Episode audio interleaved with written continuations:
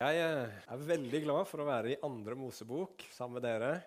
Det er sånn en rikdom der av eh, skjulte skatter og åpenbaring og, og, og, innsikt i, eh, i, den Gud er, og det han har gjort for oss i Jesus Kristus. Så i dag skal vi fortsette der vi slapp sist gang, og da holdt vi på med de ti bud. Og vi skal jobbe videre med det, holdt jeg på å si. Vi skal kikke mer på det. Og i dag så kan du slå opp i andre Mosebok, kapittel 20. Og så skal vi igjen lese de to første versene der. Og så skal vi lese, hoppe til vers 12 og lese de aller siste versene av de ti bud, pluss litt etterpå der. Andre Mosebok 20, vers 1, 2 og så 12 og utover. Og Der står det Jesu navn.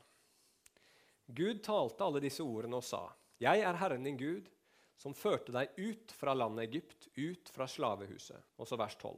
Du skal hedre din far og din mor, så dine dager kan bli mange i det landet Herren din Gud gir deg. Du skal ikke drepe, du skal ikke drive hor, du skal ikke stjele, du skal ikke avlegge falskt vitnesbyrd mot din neste. Du skal ikke begjære din nestes hus, du skal ikke begjære din nestes kone, tjener eller tjenestekvinne, okse, esel eller noe som hører din neste til. Hele folket var vitne til tordendrønnene, lynglimtene, lyden av horn og røyken over fjellet. Da folket så det, skalv de og stilte seg langt unna. Så sa de til Moses, 'Du kan tale til oss, så skal vi høre.' Men la ikke Gud tale til oss, ellers må vi dø. Moses sa til folket, 'Frykt ikke, for Gud har kommet for å prøve dere,' 'for at Hans frykt skal stå for deres øyne, så dere ikke synder.'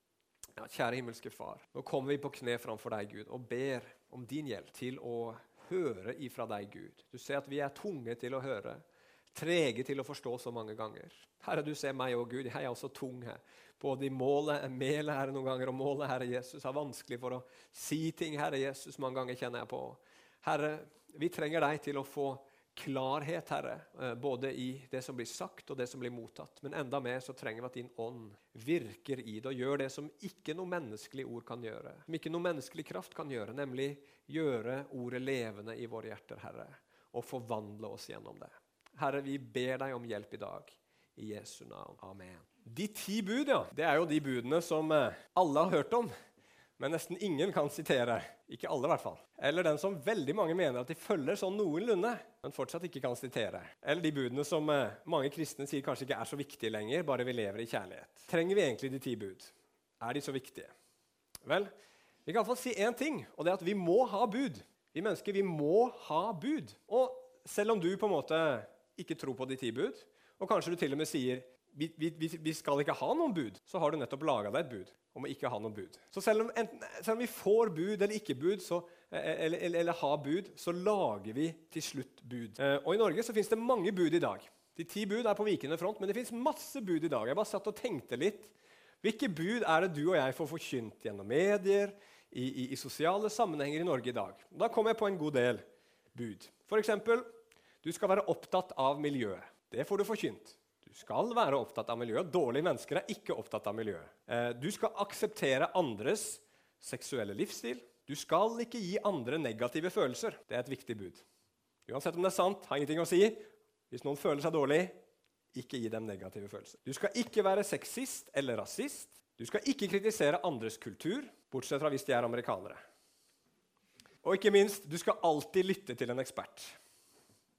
Og Det finnes sikkert mange andre bud, men det er sånn i et samfunn. Det blir sånn i alle samfunn at om vi ikke har bud, så finner vi på bud. Vi lager bud. Vi må ha bud. Så spørsmålet er ikke om vi trenger bud, men det store spørsmålet er hvilke bud er sanne, rette og gode. Og hvordan kan vi vite da hvilke bud som er gode, rette og sanne? Jo, Det må iallfall ha en sammenheng med hvem vi mennesker er. Hvem som har laga oss, og hva vi ble laga for. Er dere ikke enig i det? Og Hvis det er sånn som Bibelen forteller oss, at vi er skapt av Gud til å kjenne Han og til å ære Han, til å leve i fellesskap med Han og til å leve i fellesskap med hverandre, da er det Gud vi må høre på. Da er det Han som vet hva som er godt for oss. Og Sist gang så, så vi på de første budene. Jeg vet ikke om dere husker det fra sist gang. Eh, de ti bud kom på to tavler. Det første handler om vårt forhold til Gud. Og Det snakka vi om sist gang. og Vi så at budene hadde som hensikt å vise oss at vi ikke klarer å leve sånn som vi skal.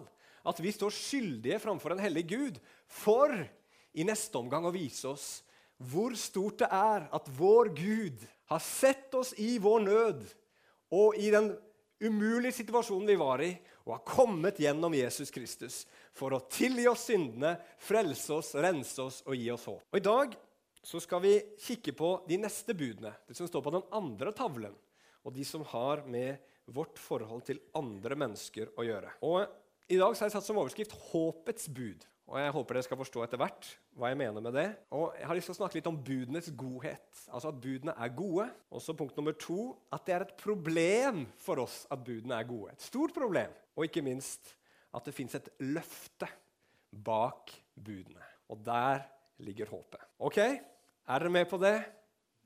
Bare nikk forsiktig, så vet jeg at jeg kan fortsette. Ellers så går jeg og setter meg. Ok, Vi har nettopp lest at Gud han gir her nå eh, seks bud. Det kommer litt an på hvordan man deler inn, men det er hovedsakelig seks bud eh, for hvordan vi skal forholde oss til andre mennesker. Vi skal hedre foreldrene våre. Vi skal ikke drepe. Vi skal ikke bryte ekteskapet. Vi skal ikke stjele, vi skal ikke lyve, og vi skal ikke begjære eller være misunnelige. Og Jeg skal ikke gå gjennom alle de, men jeg har lyst til å kikke på tre stykker litt sammen i dag. Det som er det minst respekterte, nemlig budet om å hedre foreldre. Det som er det mest populære, det er forbudet mot å drepe. Og det minst populære, forbudet mot å bryte ekteskapet. Så skal vi prøve å forstå de litt bedre, og kanskje forstå også hvorfor dette er gode bud. Så Vi skal snakke om budenes godhet. Du skal hedre din far og din mor, så dine dager kan bli mange i det landet Herren din Gud gir deg. Hva vil det si å hedre? Det er altså ikke herde, sånn som noen barn tror, men det er altså hedre. Hvordan, du, hvordan hedrer man? Jo, det er å tillegge vekt, vise respekt, lytte til, underordne seg. Og Det er noe som man skal gjøre overfor sine foreldre, ikke pga. deres personlighet, deres evner eller deres kvalitet som foreldre, men rett og slett bare fordi de er foreldre. Det betyr ikke at man skal lyde sine foreldre blindt. Hvis de sier 'tenn på huset, brenn det ned', for eksempel, så er ikke det noe god idé. Eh, og, og, spesielt ikke alle livets faser. Foreldrene har ikke autoritet over deg når du flytter ut og, og, og blir din egen herre. Eh, men, og, Det betyr heller ikke at det er lov å være skuffa på foreldrene sine og sint på foreldrene sine. Men at man skal, om de enten er unge eller om de er gamle, bare fordi de er foreldre, vise dem ære. Og Det er så viktig at dette er det første budet blant de budene som har med våre mellommenneskelige relasjoner å gjøre. Det kommer før budet å drepe. Eller forbudet mot å drepe. da. Det er vel mer riktig å si. Så hvorfor sier Gud at dette er så viktig? Ja, vi skjønner jo at det å hedre foreldre har jo mange gode praktiske konsekvenser. Det gjør at familier fungerer bedre. Når barn er ulydige, så blir foreldrene irriterte, sure og litt dårligere foreldre. Noen som kan, nei, nei, jeg skal ikke ta den. Men, og det er klart, det er veldig flott at det er sånn i samfunnet nå, at, at, at barn tar ansvar for sine foreldre når de blir gamle, svake og ikke er i stand til å gjøre det sjøl. Alt dette er bra, men jeg tror det viktigste er det her. At foreldre er foreldre fordi de er innsatt som det av Gud. Og på mange måter så ligner foreldre litt på Gud. De gir barna sine liv. De har omsorg for barna sine, beskytter dem. Og de er også de som rettleder og setter grenser for barna sine. Og dermed så, så, så har de en rolle som minner om Guds rolle overfor oss. Og når da vi respekterer foreldre, så skjuler det seg bak det en respekt for den som har satt disse foreldrene over oss. Og Det gjelder ikke bare foreldre, det gjelder alle myndigheter, autoriteter som Gud har satt over oss. F.eks. Eh, storting, regjering i dette landet her. Eh, domstolene. Alt det er innsatt av Gud, sier Bibelen. Og vi er kalt til å respektere og underordne oss det. Og Når vi gjør opprør mot våre foreldre, når vi gjør opprør mot myndighetene, så gjør vi til syvende og sist opprør mot Gud. Og opprør fører alltid til kaos. Og Det var det som skjedde i syndefallet. Det var det som skjedde da alt gikk galt å begynne med, og det er sånn det er fortsatt også. Og Da lever vi ikke lenge i det landet som Gud har gitt oss. som det står her. Når det blir opprør, så blir det kaos, og da lever vi ikke godt lenger. Og Kanskje kroneksempelet på det fra de siste par hundre årene det er jo den franske revolusjon. Jeg vet ikke hvor mange som har lest noe om den franske revolusjonen. Jeg eh, er jo litt interessert i den, i og med at jeg har litt sånn koblinger til Frankrike. Og det var jo krise i Frankrike før denne, denne revolusjonen på 1700-tallet. Det, det, var så ille at folket de, de hadde ikke mat nok. De sulta. Og så brukte kongen 25% av statsbudsjettet på sin egen luksus. Og han levde så fjernt fra vanlige folks virkelighet at uh, da dronninga fikk høre at folket mangla brød, så sa hun ja, men det er ikke noe problem. De kan jo bare spise kake istedenfor. Så så fjerne var de. Og det er klart, Når det blir sånn i et land, så orker ikke folk mer. Og dermed så endte de opp i Frankrike med en blodig revolusjon. Det var ille før revolusjonen, men det ble verre etterpå. Tiden etterpå var så kaotisk. Om rettssystemet var dårlig før revolusjonen, så var det ikke noe rettssystem igjen etterpå. Folk ble drept for den minste ting. Det var det man kaller for terrorvelde. Så ille ble det fordi at autoritetene forsvant. Vi mennesker trenger autoriteter, og det ble ikke orden på Frankrike før Napoleon kom og tok makten og krona seg sjøl til keiser. Det er bare sånn at jo da, myndigheter kan være dårlige, og de kan fungere på, på uh, utrolig dårlig måte, men vi trenger autoriteter over oss, og de er innsatt av Gud.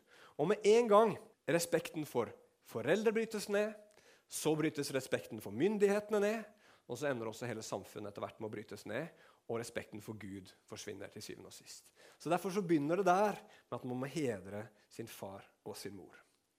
Ok, Det var det første. Det er det minst respekterte budet. Men det er et godt bud. Vi skjønner vi trenger det. Og så er det det mest populære eh, budet. Det er budet du skal ikke drepe. Og Det er populært fordi at de aller fleste føler det har jeg ganske god kontroll over. Jeg har evangelisert en del, og når jeg prøver å overbevise mennesker om at de er en synder, så sier de veldig ofte altså, 'Jeg er jo ikke så ille. Jeg har jo ikke drept noen.' Det var godt gjort, tenker jeg da. Ikke drept noen, ja. Ikke sant? Altså, det er ganske dramatisk, og de aller færreste har gjort det. Og Derfor så er, er vi nokså enige om at det er et godt bud å ikke drepe. Vi vil jo ikke at andre skal gjøre det mot oss heller. Så det er et populært bud. Nå kan det nevnes at budet egentlig burde vært 'du skal ikke myrde'. For Det fins mange ord for å drepe på hebraisk. Men dette ordet her betyr myrde. Det er ikke et ord som for har med krig å gjøre, eller et ord som har med dødsstraff i en uh, rettferdig rettergang å gjøre, men det er et ord som har med mord å gjøre. Det er det som er forbudet her. Og så er spørsmålet, Hvorfor er det galt da? Hvorfor er det galt å drepe? Fordi mennesker vil leve, ja, men griser vil nok også antageligvis leve. Det virker sånn når man slakter dem. Men det er ikke galt å drepe en gris. er det det? Vi kan til og med spise dem etterpå uten at det blir galt. Men det kan vi ikke gjøre med mennesker. Vi vet at mennesker er det noe spesielt med. Og hva er det som er spesielt med oss mennesker? Vi vet det intuitivt, men Bibelen forklarer det. Vi er skapt i Guds bilde. Og Når vi dreper et menneske, så er det ikke bare et angrep mot et menneske, men det er også et angrep retta mot Gud selv. Og det, Dette her ligger veldig dypt i oss. og derfor er det sånn at Når vi begår et brudd på dette budet her, kanskje innenfor ja, i stor skala, sånn som, det, som skjer når det er folkemord på gang, og sånt, så må man gjerne degradere de menneskene som man skal gjøre dette mot. Nazistene, da de utrydda seks millioner jøder under andre verdenskrig, så kalte de ikke jødene for mennesker, men de kalte de for undermennesker. Og Noe av det samme skjer, ser vi i samfunnet i dag også. for Når vi snakker om abort, for eksempel, så kaller vi ikke det som er i mors mage, for et menneske. Hvis vi hadde gjort det, så hadde det vært tydelig for alle mann at det her er mord. Så Derfor snakker vi om noe annet. Fosteret, en celleklump. Vi bruker andre ord på det. fordi at hadde vi brukt ordet menneske, så hadde vi skjønt at dette er galt. Vi har også det som vi kaller nå, eller som en del snakker om nå, som kalles for å gi mennesker en verdig død gjennom eutanasi eller assistert selvmord. Eh, da bruker man nå en slags omdefinering. For man sier at dette livet her er ikke lenger verdig å leve. Ikke sant? Pga. sykdom eller på grunn av sverte. Nå er det ikke lenger et verdig liv. Det er ikke et fullverdig liv lenger. Og så gir vi oss selv retten til å gi det en i hermetegn, verdig død. Men det har vi ikke retten til. Det er et angrep mot et menneske skapt i Guds bilde. Det er et angrep på Gud, og det er også å stille seg i hans plass som herre over liv og død. Og det ønsker vi ikke. Vi ønsker ikke at mennesker skal stille seg i Guds plass som herre over våre liv og vår død. Så forteller Jesus oss at dette budet her betyr mye mer enn det. Til og med det å hate et menneske i sitt hjerte, til og med det å bruke harde ord mot andre mennesker, er et brudd på dette budet her. Og til og med i Matteus 25 så snakker Jesus om at vi er skyldige når vi vet hva godt vi kunne gjøre mot et menneske, men la være å gjøre det. Når mennesker er nakne og vi ikke kler dem, når mennesker sitter i fengsel og vi ikke besøker dem, når mennesker er fremmede og vi ikke tar imot dem, så bryter vi også Guds bud. Så dette er et bud som vil hindre oss i å gjøre det som er ødeleggende mot hverandre, men samtidig også som oppmuntrer oss til å se på livet som noe verdifullt. Noe som må beskyttes, noe som vi må ta vare på, og noe som vi må fremme. Og Så kommer det siste budet vi skal snakke litt om i dag. Det minst populære. Det er du skal ikke bryte ekteskapet, eller du skal ikke drive hor, som det sto her. Og Vi lever jo i en, en, en tid Det er ikke første gang i historien, men det er eh, definitivt en sånn tid hvor vi har eh, snakk om og bilder av sex og seksuelle ting overalt.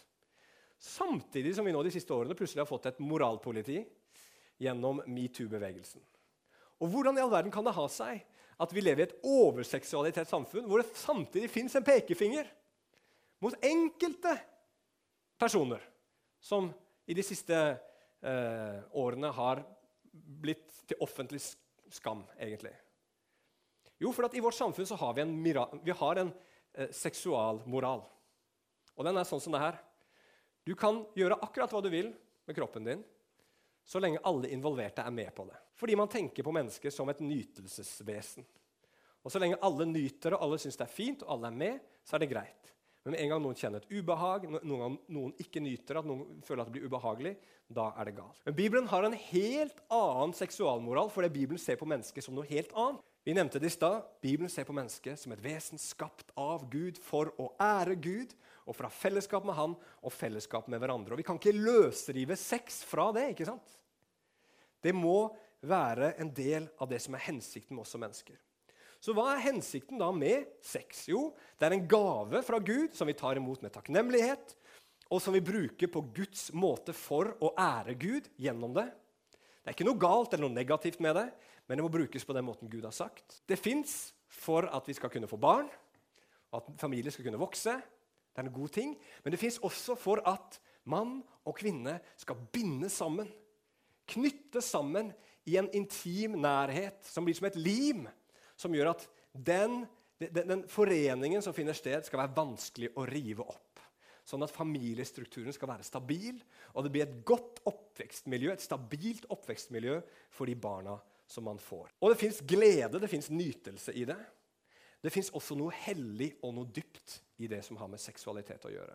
Og Derfor så bruker Bibelen det som et bilde på forholdet mellom Gud og hans folk. Det er noe hellig over det. Og Dermed så har sex et potensial i seg til å bli noe veldig bra og velsigna, og samtidig også et potensial i seg til å bli noe ekstremt destruktivt. Og Dermed så setter Gud rammer rundt det. At det skal bli den velsignelsen det var tenkt, og ikke bli den ødeleggelsen som det potensielt kan skape. Og Den rammen det er en ubrytelig, livslang eh, relasjon. En pakt, et ekteskap mellom en mann og en kvinne. Og Derfor er kristen seksualmoral egentlig kjempe, kjempe, kjempeenkel. Sex hører hjemme én plass, og det er mellom ekteskapet, eller i ekteskapet mellom mann og kvinne. Punktum. Alt som faller utenfor det, er forbudt. Ødeleggende. Det er synd. Så det er liksom, man spør det da? Ja, men hva med det da? Hva med det da? Hva med det da? Hva med det da? Uansett hva du spør, havner du utenfor den kategorien, så sier Bibelen nei. Og Så forteller Jesus videre, videre også at dette ikke bare handler om kroppene våre, det handler om hva som skjer i hjertene våre. Hvis vi ser på en kvinne eller ser på en mann som ikke er vår egen ektefelle, så begår vi ekteskapsbrudd i hjertet. Og Det er jo utrolig aktuelt i den tiden vi lever i, som flommer over av seksuelle og pornografiske bilder. Altså Vi må ikke engang slippe det inn i hjertene våre. Og Når vi bryter dette budet, kjære venner, så er konsekvensene store. Seksuelt overførbare sykdommer for eksempel, ville ikke vært et problem hvis vi hadde holdt ekteskapet hellig. Men det er på vekst og frammarsj i Norge nå. Seksuelle overgrep, Oppløste ekteskap og familier. Skam. De sier at i ungdomskulturen nå så er det enormt med skam. Enormt. Tomhet. Og til syvende og sist ensomhet. Mennesker som lever løssluppent seksuelt, ender opp veldig ofte opp veldig ensomme. De klarer ikke lenger å finne den dype koblingen med et menneske som veldig mange av oss lengter etter. Sex lover masse, mye, men i den rammen som er utenfor den som Gud har tenkt, så gir den veldig lite. Og så må vi også si til slutt at sex er ikke livet. ikke det er fint å vite? Paulus og Jesus levde fullverdige liv uten sex. Og Det er også noe som må sies i den kulturen vi lever i, som nærmest behandler sex som himmelen. Og det kan jeg love dere, at sex er fint, men himmelen er ja, milliarder av ganger mye, mye, mye, mye, mye bedre. Det fins flere bud. Stjele, lyve, begjære. Vi skal ikke bruke tid på det. Men jeg har bare lyst til å si at Guds bud er virkelig gode. Og de ble gitt oss for at vi skulle ha et rett forhold til menneskene rundt oss, at vi skulle ha et rett forhold til Gud, og at vi skulle også leve i tråd med den vi selv er. Men så er det et problem med det. da. Det er et problem med disse budenes godhet. Fordi Alle sammen her vet jeg har brutt Guds bud, meg inkludert. Og det har vi også gjort etter at vi ble kristne. ikke sant? Og det, det, det, det, trenger vi forstå, for vi trenger forstå hvorfor vi trenger tilgivelse. At Jesus tok straffen i vårt sted, at vi kan bli fri, at vi kan bli tilgitt.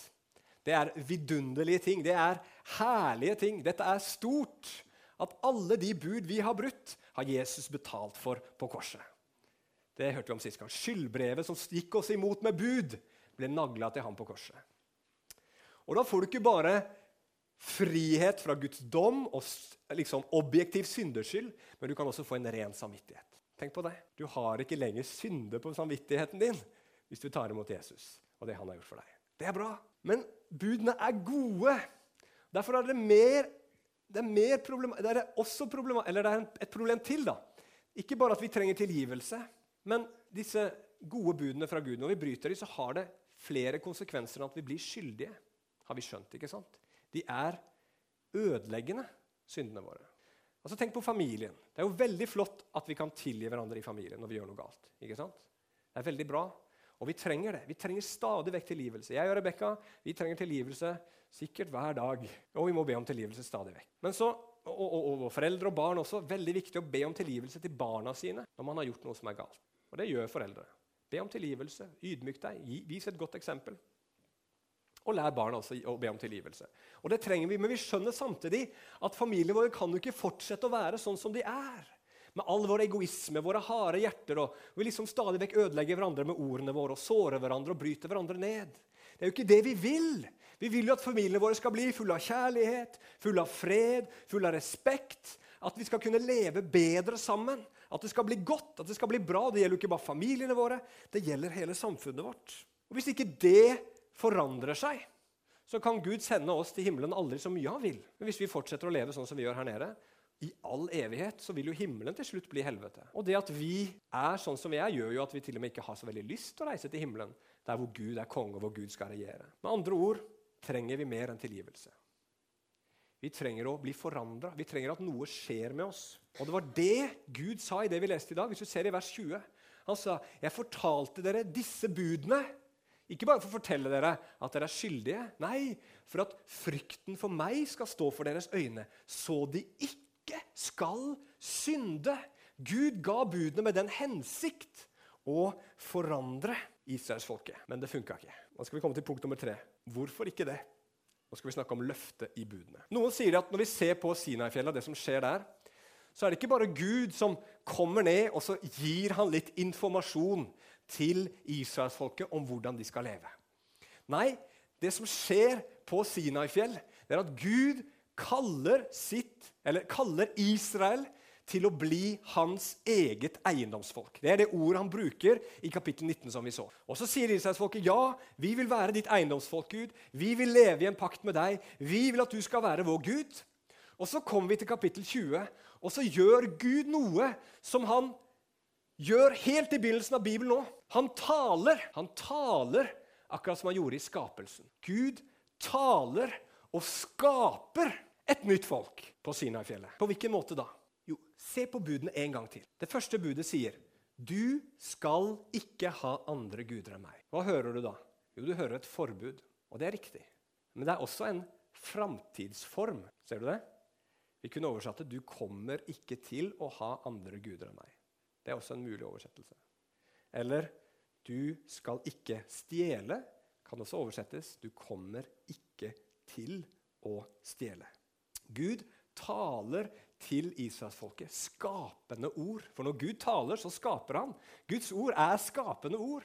Og Så taler han til dem, og så gir han ikke bare forbud, men han sier også til dem du kommer ikke til å stjele. Du kommer ikke til å lyve. Du kommer ikke til å begjære. Han skaper med sine ord et folk som elsker ham av hele sin sjel, av hele sitt hjerte, av all sin kraft, av all sin makt og sin neste som seg selv. For det er jo det de to tavlene handler om. Elske Gud og elske mennesker. Leve med Gud, leve med mennesker. Men av en eller annen grunn så skjer det ikke allikevel, og det leser vi jo videre i andre Mosebok. Israelsfolket, ja, de sier dette. Gud taler disse ordene over dem. Og så fortsetter de akkurat som før. Og så er de ulydige, og så gjør de opprør. Og så blir det kaos om igjen og om igjen og om igjen. Hva var det som mangla? Hva var det som var der i begynnelsen, da Gud skapte himmel og jord? Og han bød, og det sto her. Han sa 'bli lys', og det ble lys.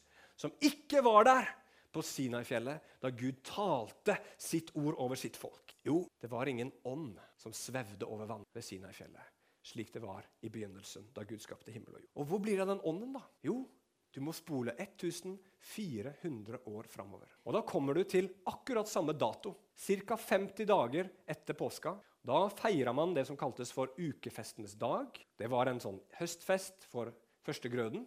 Og så var det en feiring av at Moses hadde fått, eller Gud hadde gitt de ti bud, loven, eh, på eh, Sinai.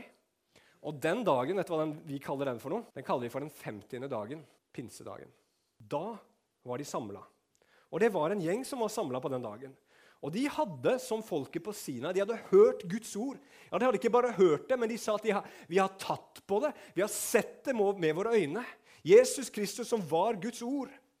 Og Likevel så var de alle sammen svake og feige, så de rømte når denne Jesus døde på et kors og, og, og ble tatt til fange. Og selv om han hadde stått opp fra de døde, så var de fortsatt redde, og de hadde ikke gjennomgått noen stor og gjennomgripende forandring. Men så sitter de der da på denne samme dagen, og så skjer det noe med de som minner veldig om det som skjer på Sinai-fjellet. Det kommer ild, det kommer lyden av et stormvær. Men den ilden er ikke en ild som de må flykte fra og gjemme seg for. Men det er som, en, en, en ild som brenner midt i rommet, og som så går til hver enkelt person. Og så er det Gud som kommer nær i sin hellige ånd og fyller hver enkelt av dem. Og De taler i tunger, står det, og de går ut, og de er frimodige. Men det store mirakelet som skjer på pinsedagen, det ser du ikke der. Men det kan vi lese om f.eks. i 2. Korinterbrev 3.3. Og Da sier Paulus det er tydelig at dere er Kristi brev, som er blitt til ved vår tjeneste, altså ved å forkynne evangeliet, ikke skrevet med blekk, men med den levende Guds ånd, ikke på steintavler, men på hjertets egne tavler. Det Bibelen noen steder kaller for å bli født på nytt, det Bibelen noen steder kaller å få et nytt hjerte, det Bibelen kaller noen steder å bli en ny skapning, det Bibelen noen steder kaller å bli et Guds barn, det kalles her å få Guds lov skrevet på sitt hjerte med Den hellige ånd. Og hva betyr det? Jo, det betyr to ting. Og Vi skal se på det nå til slutt i 1. Johannes kapittel 3 og vers 2-3. Der skriver Johannes.: Elskede, nå er vi Guds barn, og det er ennå ikke blitt åpenbart hva vi skal bli. Altså Når jeg ser på deg nå, så ser jeg, og du ser på meg, så ser du et menneske som det har skjedd noe med, men det er ennå ikke blitt åpenbart fullt ut hva jeg skal bli. Hva skal jeg bli, da? Jo, vi vet at når han blir åpenbart, det er Jesus, skal vi bli lik ham. For vi skal se ham som han er. Lik ham på hvilken måte? På innsiden. Hjertet. Det betyr at de budene som Gud talte på Sinai for 3400 år siden Hvis du sier ja til Jesus, så kommer det til å bli en dag i ditt liv hvor du aldri mer noensinne kommer til å bryte de budene. Du kommer aldri i evighet lenger til å bryte det budet. Du kommer til å bli skikka for evigheten. Du kommer til å bli en som fullverdig kan leve i himmelen og gjøre det til en himmel. For du lever det som er rett og sant og godt. Når skjer det? Jo, det skjer den dagen vi får se Jesus ansikt til ansikt. Og da går det løftet som Gud ga på Sinai, i oppfyllelse fullt ut i ditt liv. Du kommer aldri mer i evighet til å ha andre guder enn Gud. Du kommer aldri i evighet til å misbruke hans navn. Du kommer aldri i evighet til å drepe eller lyve eller stjele eller begjære ting som ikke er dine. Det kommer til å skje en dag. Men det skjer også noe her og nå, som Johannes sier i neste verset. Og hver den som har dette håpet til ham, renser seg selv, like som han er. Den som har det håpet om at en dag så skal han bli forvandla, han kjennetegnes, hun kjennetegnes ved at han eller hun renser seg selv. Og legg merke til at Det står ikke at den personen må rense seg selv. Ser du det? Den som tror på Jesus, må rense seg selv. Nei, det står her at den som tror på dette, renser seg selv. Det er et faktum. Den som blir frelst av Jesus, den som har håpet om himmelen, vil rense seg selv. Det hører med til den nye naturen. Det er tegnet på at Gud har kommet inn, at loven allerede har blitt skrevet på ditt hjerte, at du søker å bli rensa. Og Hva betyr det i praksis? Jeg har et par kjennetegn her til slutt. Tre stykker. For det første, hvis du har blitt frelst, og Jesus har kommet inn i ditt hjerte, så begynner, begynner synd å plage deg. Du kan fortsatt bli frista til synd, men du elsker den ikke lenger. Du hater den, og da er det umulig for deg å leve i den. Du bekjenner den heller sorgfullt til Jesus, ber om tilgivelse og vender om når du faller. Det er et tegn på at loven har blitt skrevet inn. Når loven ikke er i hjertet, så elsker vi synden. Men når loven har kommet inn i hjertet vårt, så begynner vi å hate. Vi orker den ikke, men vi ikke ha den i livene våre. Nummer to, du begynner å lengte etter hellighet. Når du hører Guds bud og formaninger, så opplever du en lengsel på innsiden, en vilje. 'Dette ønsker jeg å følge.' Det er noe som roper i deg 'Ja, dette vil jeg gjøre for å ære Gud'. Og de blir ikke lenger tunge, men det blir noe du søker og lengter etter. Du vil bli hellig. Og det siste er at du dras mot Jesus. Du vil se mer av han. Du vil komme nærmere han i bønn og ordet. Du vil kjenne han og kraften av hans oppstandelse. Du vil at han skal vokse, og at du skal avta. Du vil at tankene dine skal gå oftere og mer naturlig til Han. Det er tegnene på at Guds lov har blitt skrevet inn i ditt. Og Så kan du kanskje si ja, men jeg opplever ikke noe av dette i livet mitt. Jeg prøver å bli et bedre menneske, jeg prøver å være god, men jeg får det ikke til. Da har jeg ett spørsmål. Har du da virkelig forstått og trodd på evangeliet? Har du da virkelig forstått og trodd på evangeliet? Har du virkelig forstått det som andre Mosebok og som det hele Bibelen snakker om? At Gud redder deg, at Gud tilgir deg, at Gud elsker elsker deg, at Gud inkluderer deg i sin familie bare av nåde. Uten at du har gjort noe som helst godt og rett, så gjør Gud det for deg. At han bare bestemmer seg for å kle deg i renhet, kle deg i hellighet, kle deg i rettferdighet, gjøre deg til sitt eget barn ene og alene fordi Jesus døde for dine synder på Golgata. Og så sier han til deg det er ingen fordømmelse for deg. Du er fri, du er ren, du er hellig, du er frikjent, du er elska av meg. Jeg tror at har du sett det, har du tatt imot det, og har du trodd på det, så vil Gud også skrive sin lov i ditt hjerte. Føde deg. Svaret i Bibelen er ikke 'rens deg selv', men svaret i Bibelen er 'ro på evangeliet'. Så skal du bli frelst. Å frelse i Bibelen er ikke bare tilgivelse for synd, men det er å få et helt nytt liv. Og en dag så skal det bli fullt ut åpenbart hva det betyr å se Jesus ansikt i ansikt. La oss be til slutt. Kjære himmelske Far. Herre, vil bare takke deg og love deg, Herre, for det du talte til oss i dag, Herre. Herre, takk at du talte ditt levende ord til oss i dag. Takk at du har åpenbart evangeliet for oss i dag. Takk at du viser deg som en god Gud, en hellig Gud, en ren og rettferdig Gud, en sann Gud, og en Gud som er full av nåde og kjærlighet, og som vil rive oss ut av denne verdens grep, Herre. Denne verdens synd, denne verdens mørke. Du vil rive oss ut av dommen, men du vil også rive oss ut av syndens grep om våre liv.